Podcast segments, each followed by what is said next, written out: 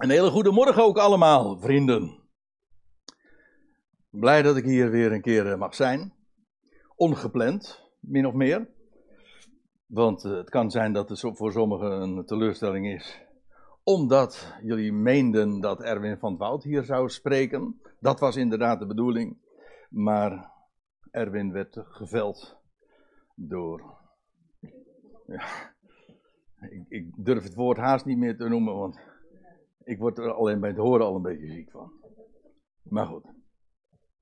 Uh, in ieder geval, goed elkaar hier te treffen. En het zou me niet verbazen dat u denkt en zich wellicht ook een beetje.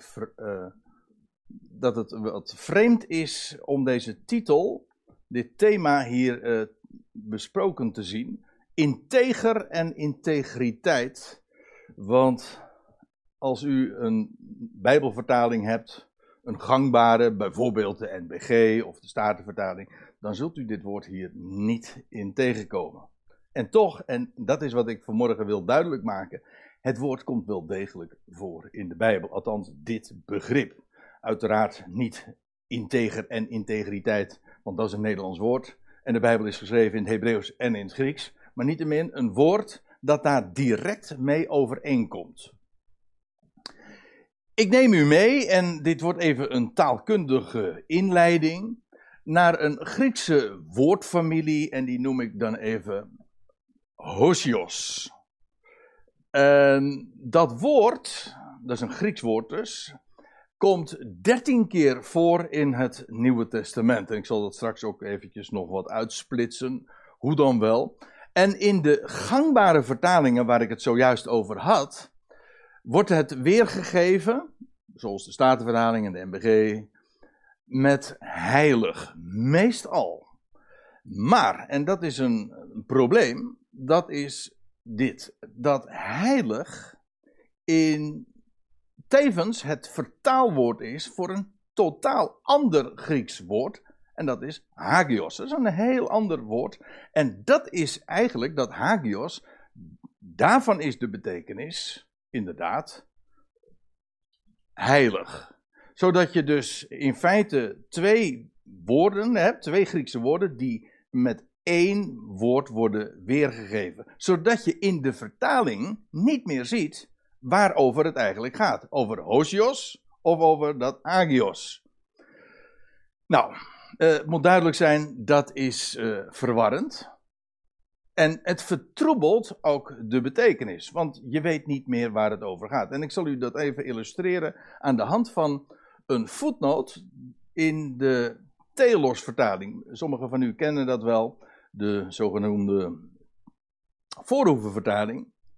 Voorhoeven was een, eh, een Hagenees uit de vroegere tijden. Dus uh, in die zin zouden jullie hem allemaal moeten kennen. Uh, maar de Telos-vertaling is een hele goede vertaling. Dus het feit dat ik hem nu wat kritisch uh, ter sprake breng, neemt niet weg dat het een geweldige, mooie, vrij letterlijke en ook concordante vertaling is. Maar hier zie je nou typisch een voorbeeld waarbij het niet concordant is. Concordant betekent één op één, consequent. Want uh, in de voetnoot van de, van de Telos-vertaling, daar zie je dan bij Handelingen 13, vers 34, en daar staat er dit: Heilig, zij geven dat dan zo weer, uh, en dan hebben we het dus over dat woordje osios. Dat is niet het gewone woord voor heilig, namelijk hagios. Nou, daar had ik het zojuist over. Maar heeft op de mens toegepast de zin van rein, vroom en op God toegepast, barmhartig, genadig. Nou, zoek het maar uit. Want dat betekent dus dat het alles betekent, zo'n beetje. Rein, vroom, wat trouwens ook wel een beetje een lastig woord is, zeker in het moderne Nederlands, want heeft het vooral een negatieve betekenis gekregen. Uh, maar goed. Uh, rein en vroom. En dan ook nog, als je het op God betrekking heeft, zou hebben, dan betekent het barmhartig en genadig. Maar dat zijn betekenissen die zo enorm uh, ver van elkaar af liggen, zodat het, uh, de betekenis niet alleen verwarrend is, maar daarmee ook heel vaag wordt. Het, het kan van alles betekenen. Dus je zegt eigenlijk niks. Want als, als iets alles kan betekenen, dan zegt het dus eigenlijk niks meer. Dan zou je ook gewoon kunnen zeggen blub. Ja, wat betekende dat? En dat, eh, en dat vond ik een, eh, een hele irritante gewaarwording. Totdat ik er eens een keer eh, echt ook in dook. En toen kwam ik de Concordant Version tegen. En u, u, weet, nou, ik heb het eigenlijk zojuist al eventjes gezegd. Ik prees de Telesvertaling omdat die nogal uh, een concordant vertaalprincipe heeft. En daar ben ik altijd erg enthousiast over. Concordant, ik zei al, dat betekent consequent. En die vertaling, die is soms die is niet uh, bedoeld om mooi te klinken, maar om zo dicht mogelijk bij de grondtekst te komen en zoveel als mogelijk. In de extreme zin kan het niet, maar het is het ideaal om zo dicht als mogelijk, woord voor woord, bij de brontaal te komen. Dus dat is het grote ideaal van de concordante vertaling. En vandaar ook inderdaad, uh, uh, concordant betekent letterlijk ook eensluidend. Een eensluidende vertaling. En wat ik daarin tegenkwam, de, je hebt een, eh, in, de Engels, in het Engels taalgebied de concordant version. En die echt dus helemaal gemaakt is op basis van dat vertaalprincipe. En die geeft het woord, uh, dat woordje osios, consequent weer met benign. En benign, dat betekent uh, rechtschapen.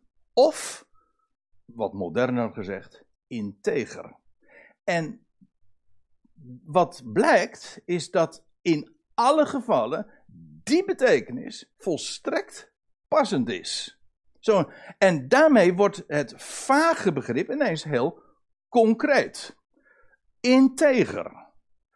Ik geef persoonlijk nog de voorkeur aan het woordje uh, integer boven rechtschapen, want ja, uh, van een mens kan je zeggen dat die rechtschapen is. Hè? Van een schepsel, die kan rechtschapen zijn, maar van de schepper vind ik dat een beetje een lastig idee. Want die, is, die, is die rechtschapen? Die is toch niet geschapen? Dus daarom integer is daarin nog, nog beter. Uh, ik, nou ga ik u nog eventjes iets taalkundigs uh, doorgeven. Ik, uh, ik hou altijd wel van etymologie. Dat is de afleiding van een bepaald woord. En dat zegt namelijk ook iets over een, begrip. Waar komt het vandaan? En ik heb in dat etymologisch woordenboek gekeken. En dan staat er bij integer onkreukbaar, rechtschapen. Uh, terugvorming bij oudere integriteit, rechtschapenheid, zie hieronder, naar de vorm van Latijn, integer, en dat betekent gaaf, geheel. Trouwens, als u wiskunde uh, gestudeerd hebt, maar als je wiskunde gehad hebt, dan ken je, kun je uh, je misschien nog herinneren dat je ooit het gehoord hebt over integere getallen. Dat zijn gehele getallen. Dat zijn getallen dus 1, 2, 3. En zodra er een komma achter zit, dan is het niet meer integer. Dus het is een gaaf, het is een, geheel, een heel getal. Dat is wat integer eh, dan betekent. Het is gaaf, geheel, en integriteit, dat is dus rechtschapenheid. En dat heeft ook verband, houdt verband met het Franse integrité, rechtschapenheid. en dat is weer ontleend aan het Latijnse integritas. En dat is inderdaad zuiverheid, rechtschapenheid. Integer.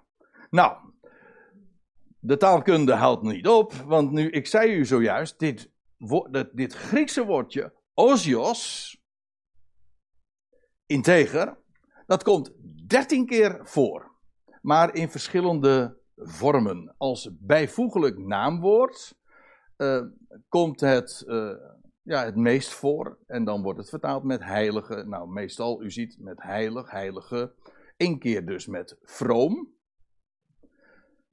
En het komt ook nog als een bijwoord een keer voor. En dan wordt het ook vertaald met vroom. En als een zelfstandig naamwoord komt het ook twee keer voor. En dan is het rechtschapenheid of integriteit. En het komt ook nog uh, voor als uh, in de negatieve zin met het woordje a ervoor. Dus zonder. Dus dat betekent het onrechtschapen of niet integer. En dan wordt het weer vertaald met onheilig of voor onverlaten of on onverlatenen. Zoiets. In ieder geval, uh, dat is allemaal nogal divers.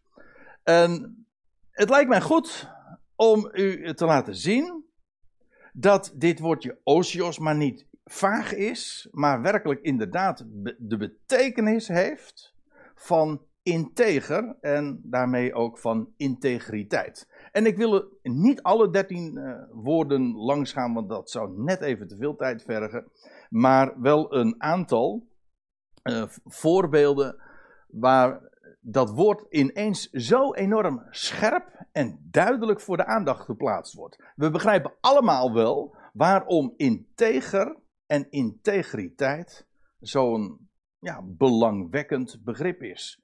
Uh, in de, het wordt uh, in de ethiek vaak gebruikt, maar ook in, het wordt als een kwaliteit van een, een, als een eigenschap zeer hoog geschat, algemeen.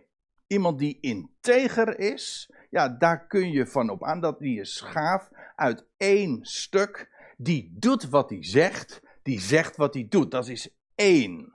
Eén geheel. Niet dubbel, maar één geheel. Nou, dat is dat woordje osios. Nou, we gaan eerst eens naar de. We bladeren eigenlijk gewoon dus door het Nieuwe Testament en naar de eerste vermelding. En die is denk ik al meteen veelzeggend. Dat is in Lucas 1.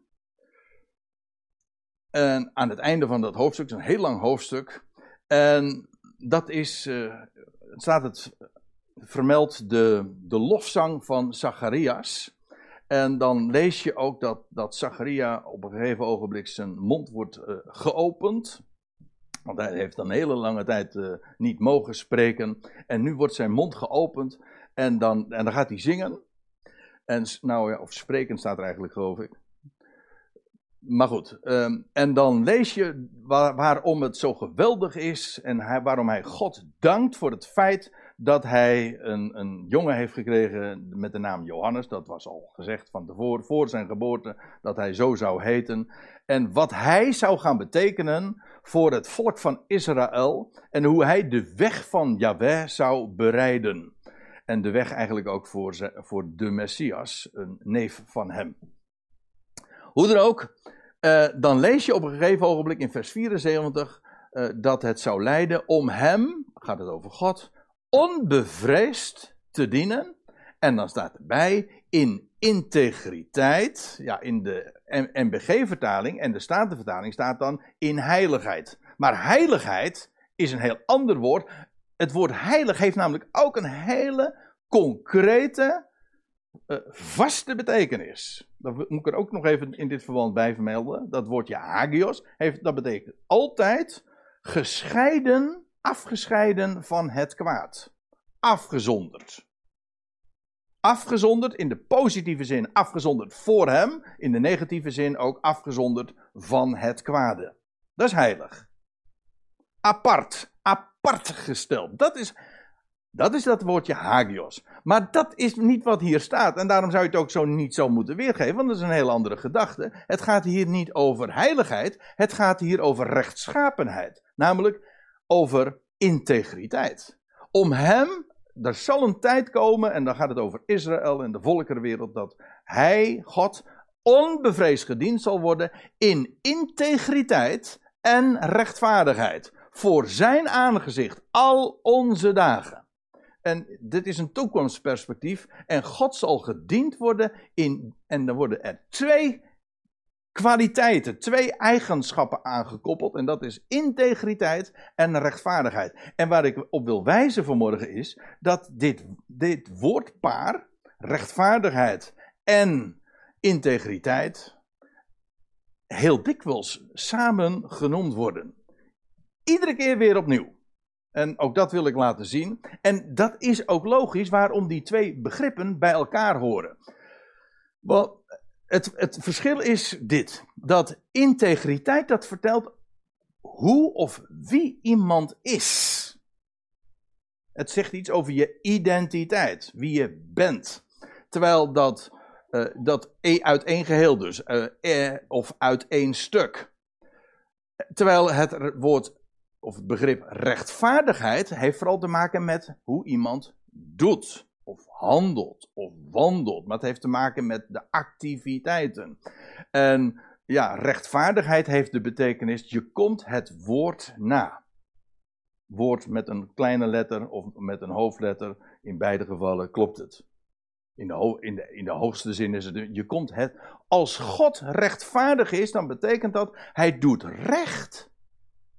Hij is vaardig om recht te doen aan dat wat hij gesproken heeft en wat hij beloofd heeft. En als je een belofte hebt gedaan, ja, en hij doet daar recht aan, dan vervult hij dus datgene wat hij heeft aangekondigd. Dat is zijn rechtvaardigheid.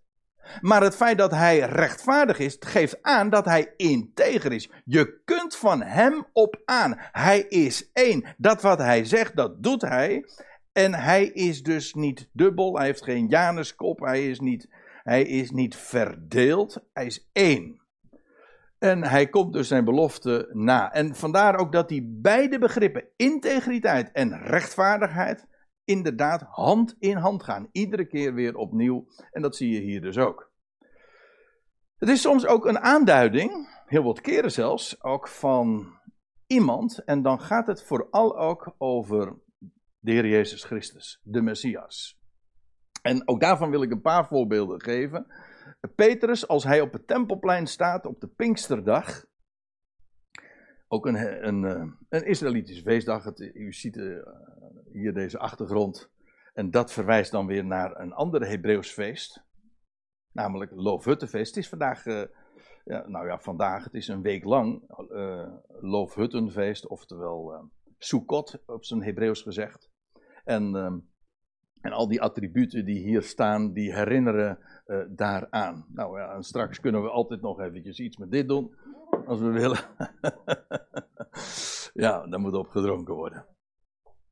Maar uh, dat is een ander Hebreeuws feest, dat is in de zevende maand. Dit is een, een feest in de derde maand. En uh, Petrus doet dan het woord, want nou, de gelegenheid doet nu eigenlijk niet zo ter zake. Maar wat Petrus dan doet, is op het tempelplein ja, verantwoording afleggen van al die wonderlijke verschijnselen die die hele schade, de menigte die erbij ingekomen was vanwege de hoogtijdag, om dat uit te leggen. En dan gaat hij vertellen wat er 50 dagen eerder was gebeurd. Ja, Pinkster betekent de 50ste dag. En, op de, en 50 dagen eerder, dat was de dag van de eerstelingsschoof, toen is de Jezus Christus opgestaan uit de doden. En hij gaat het uitleggen. Hij gaat dat demonstreren en hij citeert uit zijn hoofd, mag ik aannemen, want hij geeft lange citaten uit de, uit de, de Hebreeuwse Bijbel. En dan laat hij aan de hand van de psalmen en allerlei schriftplaatsen zien dat dit was, uh, dat wat er uh, plaatsvindt en had plaatsgevonden, is voorzegd in de schriften. En dan spreekt hij en dan citeert hij op een gegeven ogenblik uh, David in Psalm 16. En dan, dan is een profetische psalm. En daar spreekt David over het feit dat een andere David, betekent geliefde, een nakomeling van hem, iemand uit zijn, die uit zijn lendenen zou voortkomen, dat uh, die ooit zou sterven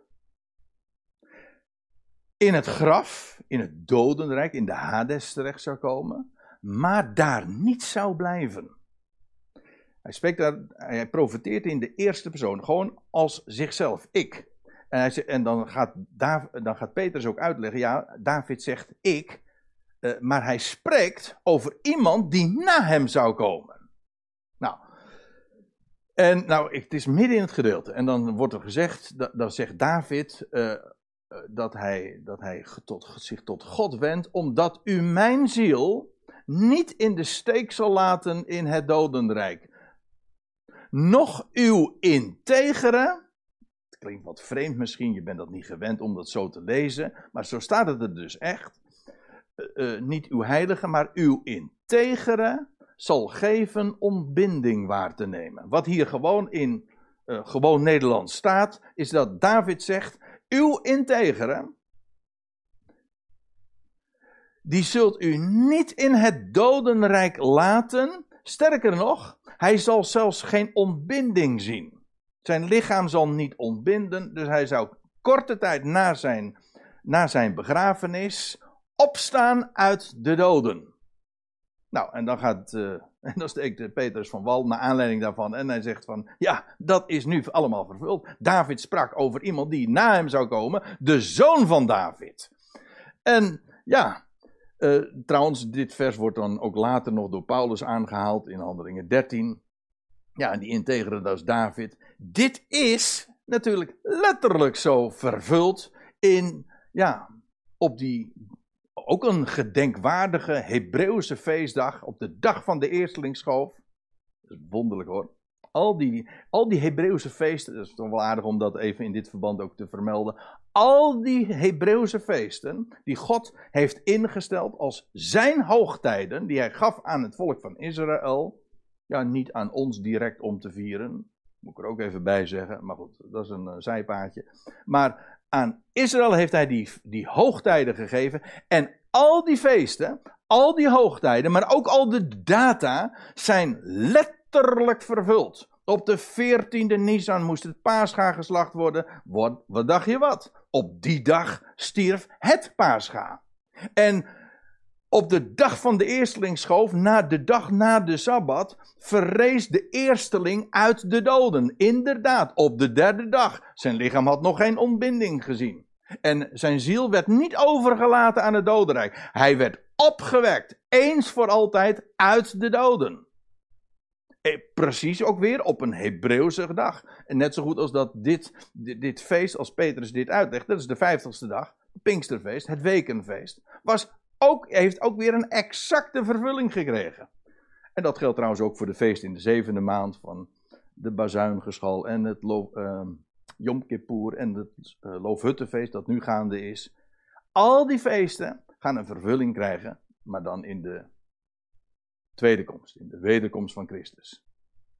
Nou ja, ik, uh, ik moet nu aarzelen en ik moet me nu eventjes inhouden om niet daarop in te gaan, maar het is geweldig. Zoals de schriften inderdaad op deze wijze inhoud krijgen. Dit gaat over de integere in het graf. Uh, nog één uh, verwijzing, en dat is in de Hebreeënbrief, waarin gewezen wordt op de hoge priester die Israël heeft. Het, het, de Hebreeën worden aangeschreven, het, het gelovig deel van het Messias beleidend deel van het volk van Israël. En zij worden aangeschreven en dan zegt de schrijver, mijn Paulus, maar hij vermeldt zijn naam niet, uh, dan zegt hij dit uh, in Hebreeën 7. Dan pakt hij nogal uit uh, om te laten zien dat die hoge priester die wij kennen, de hoge priester is naar de ordening van Melchizedek. En als u niet weet uh, wie dat was, nou dan moet u Hebreeën 7 maar eens lezen. Een schitterend verhaal, echt geweldig. Hoe dat alles zijn vervulling heeft gekregen. Maar nu even dit, vers 26. Want zulk een hoge priester past ons, dat wil zeggen, past ons, een geheiligd volk van Israël. Die, en dan worden er diverse eigenschappen zo op een rijtje gezet. In de eerste plaats genoemd wordt er gezegd, die integer is. Een kwaliteit in de, ja, kun je dat zeggen van al die andere hoge priesters die, uh, die Israël gehad heeft? Nou, van een aantal in ieder geval niet. Een man als Eli eh, voldeed daar niet aan. En ja, in de, in de maximale zin, wie voldoet daar wel aan? Maar uh, je leest, als je even doorleest trouwens in ditzelfde Hebreeën 7, dan lees je ook van ja, die hoge priesters die, we, die Israël altijd gehad heeft. Ja, uh, daar mankeerde altijd van alles aan. En bovendien, die moesten ook al altijd eerst voor zichzelf eerst offeren. Ja, omdat ze zelf niet volmaakt waren.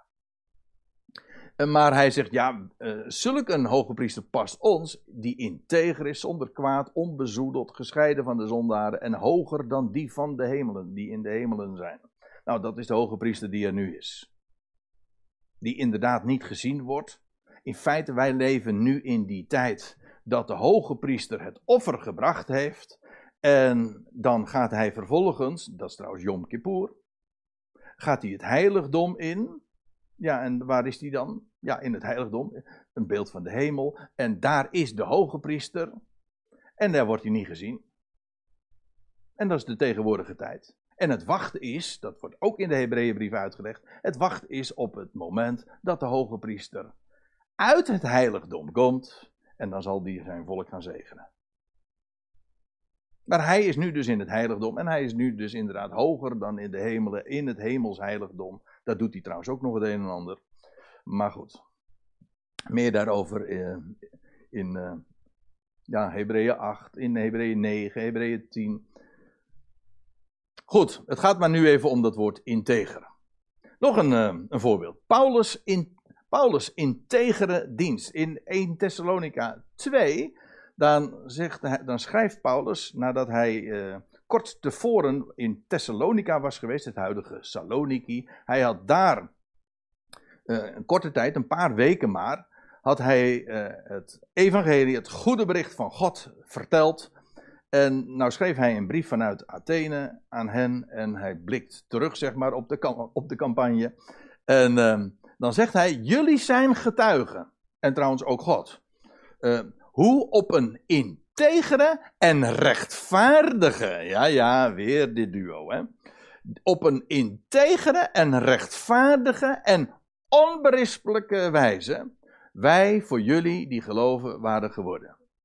En Paulus zegt dus eigenlijk van ja, ik, ik vertel iets wat jullie zelf kunnen bevestigen. Jullie zijn daar getuigen van en God trouwens ook. En Paulus herinnert hen eraan. Dat wil zeggen, niet Paulus, alleen Paulus' boodschap was integer, betrouwbaar, onder bewijs gesteld. Maar ook zijn hele wijze van doen, de wijze waarop hij hen had gepredikt, was zonder bijoogmerken, zonder valse motieven. Het ging niet om dit, zoals u weet dat het meestal gaat.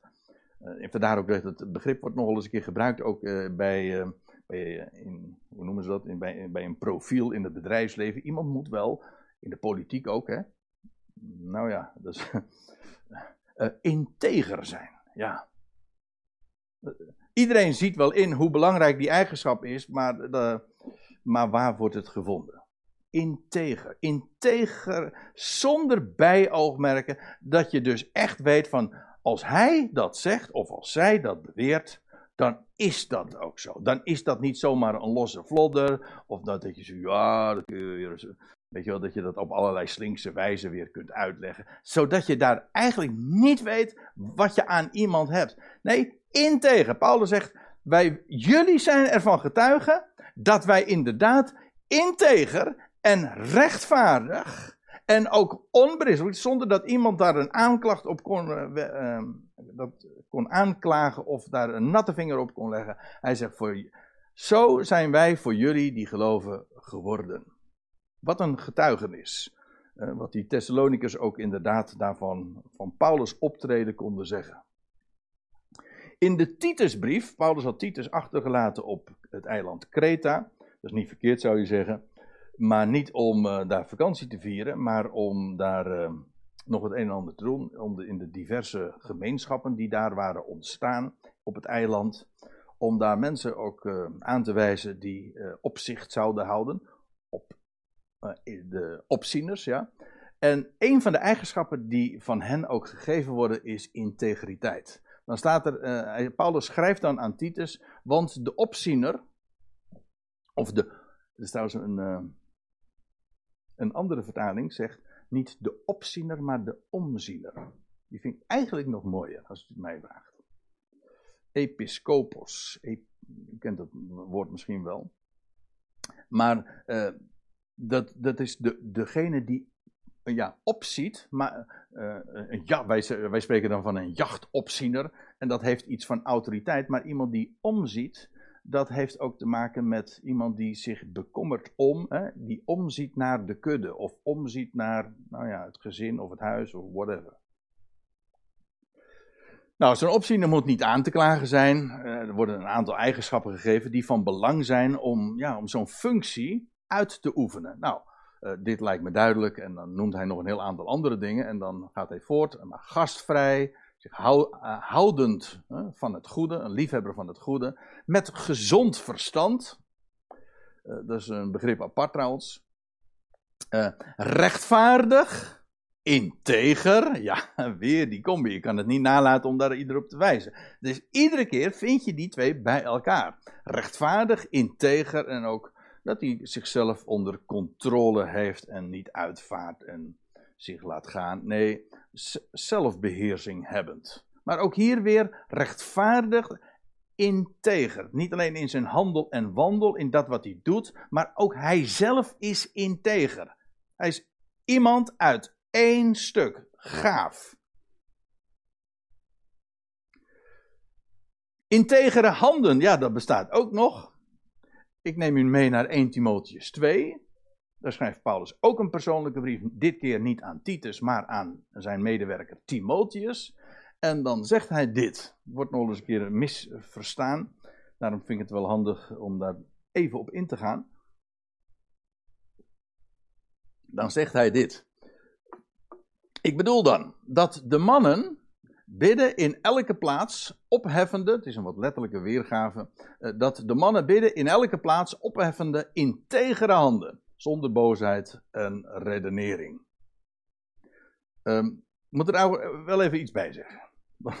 Je, als je te snel ophoudt met lezen, dan lees je de zin verkeerd. Paulus zegt niet van uh, dat, uh, ik, ik bedoel dan uh, dat de mannen bidden in elke plaats. Oh, Paulus zegt dus dat we moeten bidden op elke plaats. Nee, dat is niet wat hij zegt. Ik moet wel doorlezen. Uh, hij zegt ook niet dat de mannen bidden in elke plaats opheffende handen. Dan zou het een voorschrift zijn of een aanwijzing uh, van een gebedshouding. Dus als ze bidden, dat ze hun handen moeten. Nee, daar gaat het niet om. Het is geen, geen voorschrift of een aanwijzing uh, voor een gebedshouding, een fysieke houding, dat je je handen opheft. Het was trouwens wel de normale manier om te bidden. Hè? Het, is, het is niet alleen maar de houding van, van geven, maar ook van, ja, van openstellen, maar ook ontvangen. Dus het is een hele mooie houding. Als mij vraagt, maar als mijn persoonlijke mening is, en ook is het een, uh, een veel mooiere houding dan dit. Dit is vooral iets van, uh, nou ja, zodat ik niet met, met, mijn handen aan andere dingen zit of afgeleid word. Nee, het, het, het, spreekt net zo, dat is net zoiets als het knielen. Ja, dat, je maakt jezelf klein, je buigt je knieën. En dat is een, een uitbeelding, een expressie van, van, van, ja, van onderschikking, maar ook van hem groot maken. Afijn, uh, het opheffen van handen is een hele bijbelse, voor, vanzelfsprekende houding. Maar dit, het, is geen voorschrift van hoe, hoe men zou bidden. Nee, het gaat erom uh, dat, ik bedoel dan dat de mannen bidden in elke plaats opheffende integere handen. Dus het gaat, hij zegt niet van dat jullie bidden in elke plaats. Nee, dat als jullie bidden, op welke plaats dan ook, en jullie heffen je handen op, dat dat integere handen zijn. Dan krijg je een andere betekenis, hè? want het is, dit woord wordt, eh, of deze zin, of deze, dit vers, wordt wel eens gebruikt om aan te geven van, kijk, eh, Paulus zegt dat we, onze, eh, als we bidden, dat we dat op elke plaats zouden doen en dat we onze handen dan moeten opheffen. Nee, dat is niet wat er staat het de, accent ligt op die integere hand. Dat als je op welke plaats ook inderdaad bidt, eh, dat dat zou gedaan worden met integere handen. En wat hij daarmee bedoelt, nou dat is niet zo moeilijk, want het staat er gewoon pal achter. Namelijk zonder boosheid en dat zonder agressie, want die gebruiken de handen gebruiken we ook hè, voor, uh, bij agressiviteit. Hè. Dan, worden, dan, dan zijn het geen integere handen meer. Hè? ja, met een mes erin. Maar zelfs dat hoeft niet, want uh, dit kan ook al vrij uh, agressief overkomen hoor. Ja.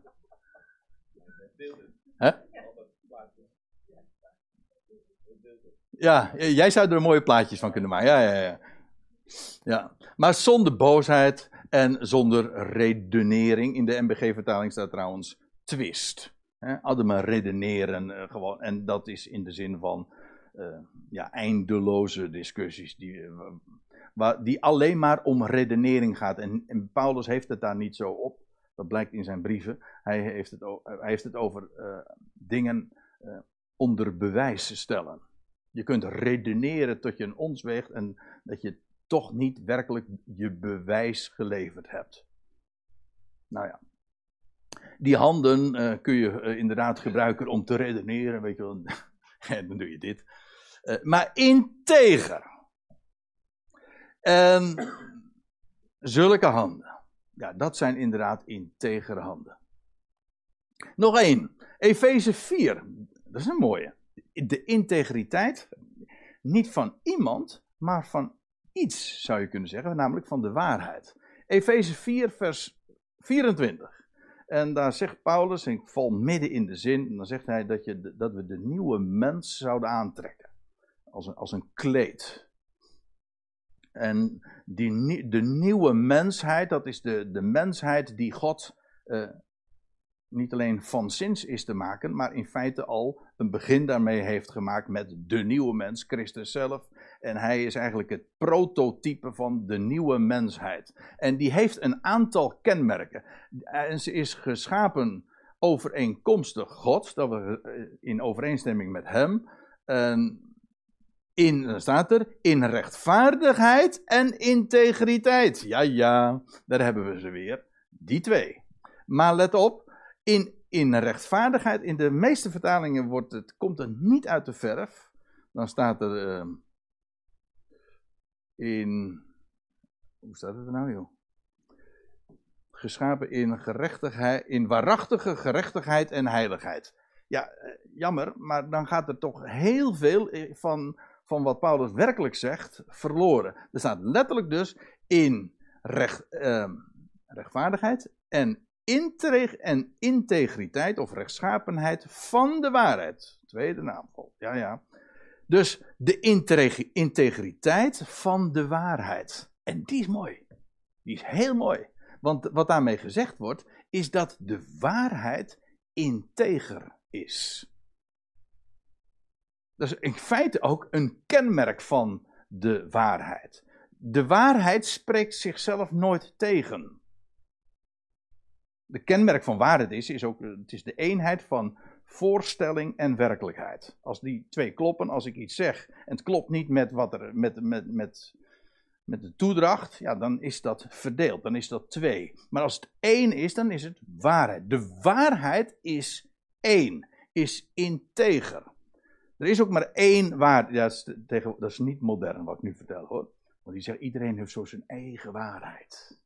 Nou, dat is gewoon nou, nee, laat ik dat woord niet gebruiken, maar is lari.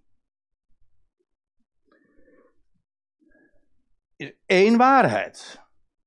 Er zijn wel vele leugens trouwens. Ik bedoel, als ik zeg 2 plus 2 is, is er maar één waar antwoord. Hoeveel leugens, hoeveel onware antwoorden zijn er? Nou, eindeloos. Je kan elk getal noemen tot in het oneindige. En ze kloppen geen van allen, met uitzondering van één, namelijk vier. Dat is waar. Er is één waarheid. Er zijn vele leugens. Daarom is, ja, ook dat wordt tegengesproken. Aanvaarding van waarheid maakt ook één. De waar, omdat er maar één waarheid is, is wanneer we de waarheid zoeken, komen we bij elkaar. Vinden we ons elkaar per definitie. Terwijl leugens juist verdeeldheid creëren. Niet alleen in mensen, maar zelfs uh, in een mens zelf. Nou, gaat, nou dreigt het de, psychologische toer op te gaan, maar het is echt zo dat een mens die echt, uh, zeker als je, je hebt van die pathologische leugenaars, maar die mensen worden gewoon compleet geschift. Je, je kan niet zo leven. Je moet ook heel veel onthouden, dat weet u ook, hè. Want je, kijk, iemand die de waarheid spreekt, hoeft maar één ding te weten, namelijk de waarheid, hoe het gegaan is. De werkelijkheid. Iemand die liegt, ja, uh, die moet heel veel onthouden. Moet die, die moet onthouden wat hij ooit gezegd heeft, hoe het was. Hij moet, hij moet weten hoe het was, hoe het echt is. Hij moet weten hoe hij het verteld heeft. Maar als hij dat één keer gedaan heeft, om een leugen weer te ervaren, heb je weer een andere leugen nodig. Dus de leugen uh, die vermeerdert zichzelf. Dus eh, wat dat betreft is het zeer vruchtbaar. Dat wel. En leugens creëren verdeeldheid. En Ja, maar daarentegen, de waarheid is integer. En de nieuwe mens wordt gekenmerkt door rechtvaardigheid en de integriteit van de, waar, van de waarheid. Geweldig eigenschap. En als we, als we de waarheid zoeken, en ik bedoel dat op een laag niveau gewoon, vertellen gewoon echt zijn, puur. Zo is het. En dan hebben we het dus niet over opinies, dan, dan komen we weer in de sfeer van die redeneringen. Opinies, mijn mening, ja god, er zijn er zoveel van. Nee, gewoon dat wat bewezen is. Want dat heeft te maken met de waarheid. Gewoon wat iedereen kan zien en getuigen. Is het waar of niet? Klopt het? De integriteit van de waarheid. Een geweldige eigenschap van de nieuwe mens. Nou, ja, wanneer integriteit zeldzaam wordt. Eh, want daar wil ik ook nog wat vertellen. Want ik, ik wees u er bij de inleiding al even op dat het woordje integer ook soms in twee gevallen eh, negatief gebruikt wordt, namelijk niet integer. En daar wil ik u ook even mee naartoe nemen. In 2 Timotheus 3. Dus zeer actueel als het mij vraagt. Want waar heeft Paulus het over in die brief? Of in dit gedeelte, als u dat in het uh, vers 1, dan begint hij al met te zeggen van, weet wel, hij waarschuwt Timotheus, dat in de laatste dagen, de laatste fase, en dan gaat het over de laatste fase van de christenheid. Dat wil zeggen, het christelijk getuigenis hier op aarde. Paulus is daar niet optimistisch over. Ja, hij is geweldig optimistisch over de toekomst, maar als hij, het, als hij het heeft over het christelijk getuigenis, dat wat van de christenheid, dat wat zich met die naam tooit, wat een naam heeft van, van godsvrucht. Zo zegt hij dat later in dezezelfde, ditzelfde hoofdstuk. Het heeft een reputatie van, waar, van, van godsvrucht, van, van eerbied aan God, maar nee, een schijn. Maar de kracht verlogenen ze. En Paulus is, die zegt van, weet wel Timotheus, de christenheid als geheel gaat compleet afdwalen. Dat is niet optimistisch. Het heeft misschien wel een schijn. Ze noemen de naam van God en ze noemen zich zelfs bijbelgetrouw. Maar hij zegt, het geheel en zal men gaan afwijken. Dat zou trouwens al veel vroeger zich gaan inzetten. Dat had hij ook al aan Timotheus gezegd. Hij zegt, eh, na mijn heen gaan zal dat gaan, zich al gaan, gaan inzetten. Maar uiteindelijk, in de laatste fase, dan blijft er van de christenheid eigenlijk bijna niks over. Het grote geheel is afgeweken. Ik denk dat dat buitengewoon belangrijk is om te bedenken. Ga niet kijken van, joh, laten we eens kijken hoe in het algemeen in de christelijke wereld erover gedacht wordt. Dat is misschien voor ons een handvat, een aanwijzing hoe wij ons ook hebben op te stellen. Nou, eh, er is wat voor te zeggen als je, bedoelt, eh, als je daarmee bedoelt van nou, als de christenheid daar zo over denkt, dan zal het waarschijnlijk wel anders zijn. Dan klopt het.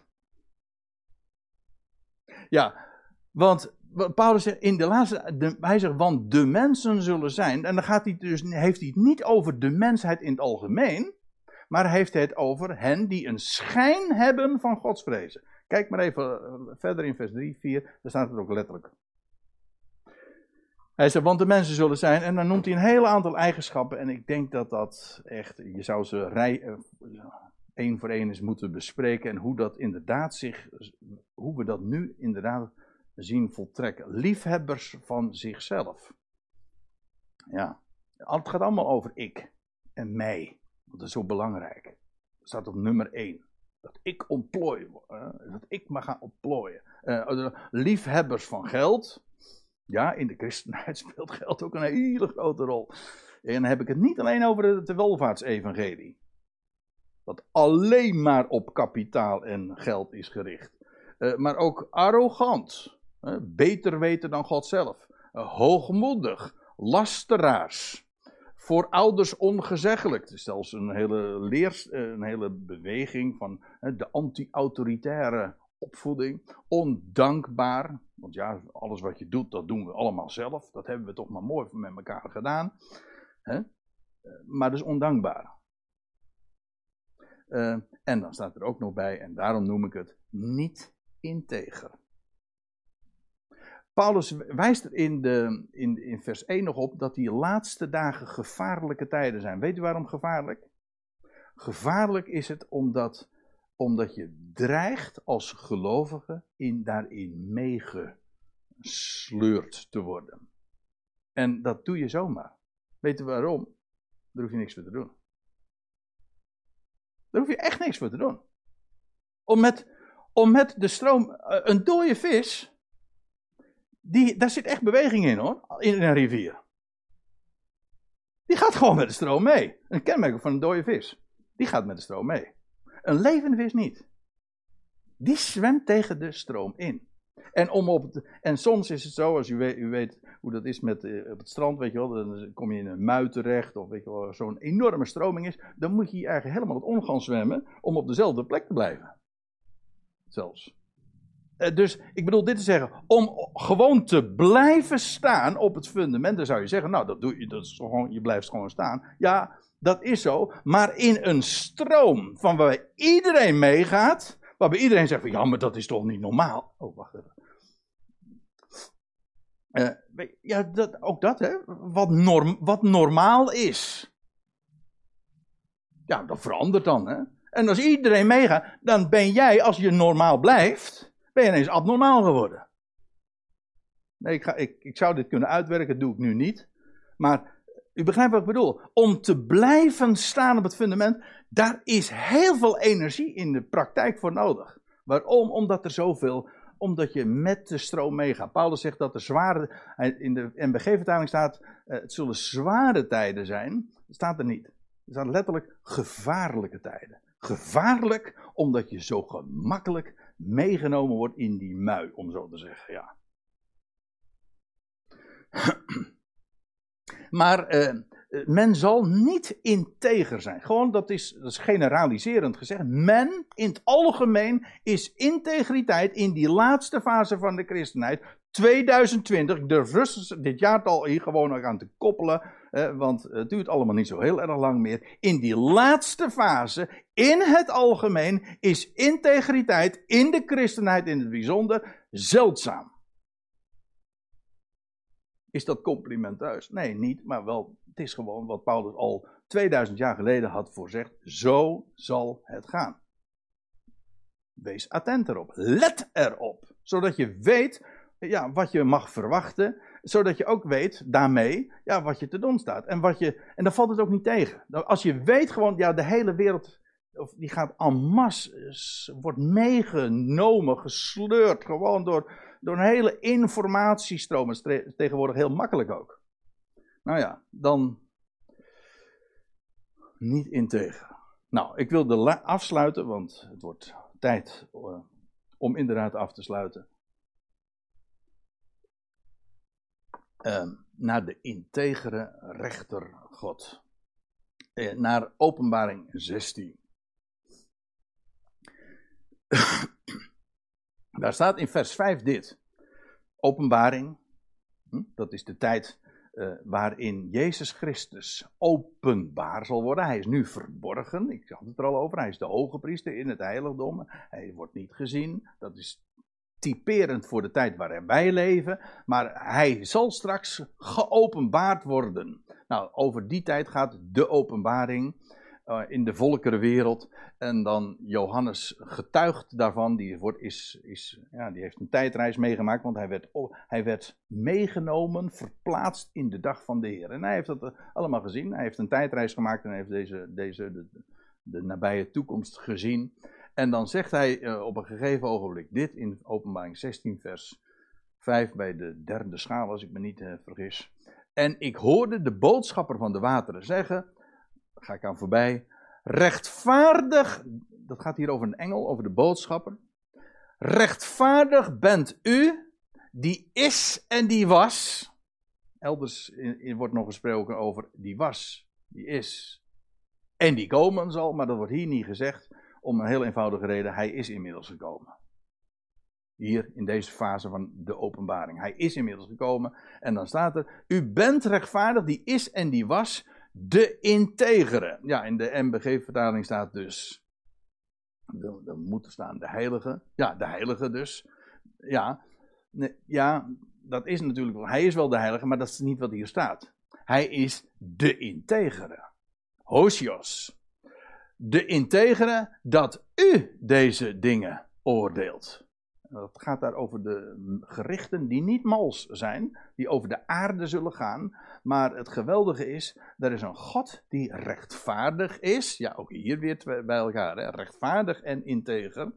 Ja, maar weet wat ik nou zo geweldig vind? De God die alles recht gaat zetten, is volstrekt rechtvaardig. De oordelen zijn proportioneel de Bijbel kent niet zoiets als een eindeloze verdoemenis. Ja, ook dat is een christelijke leer. Kent de Bijbel niet. Dat is niet proportioneel. Hij richt, ja, altijd met een doel. Om de dingen recht te zetten. Dat is een rechtvaardigheid. God zet de dingen recht. Hij brengt ook de dingen terecht. En, dat, en daar gebruikt hij ook de harde hand. Als men niet wil horen, dan, dan moeten ze voelen. Maar dat doet hij rechtvaardig en integer. Volstrekt betrouwbaar. En dat is zo geweldig. Het oordeel uh, is toevertrouwd aan de God die integer is. Hm? En dat is trouwens ook uh, wat het meest karakteristieke voor God is. Hè? Wat uh, is elke dag dat een Jood, als die opstaat, en vele keren per dag zal die zeggen: Onze God is. Hè? Yahweh, Elohim is hij is echad, hè? dat wil zeggen, hij is één.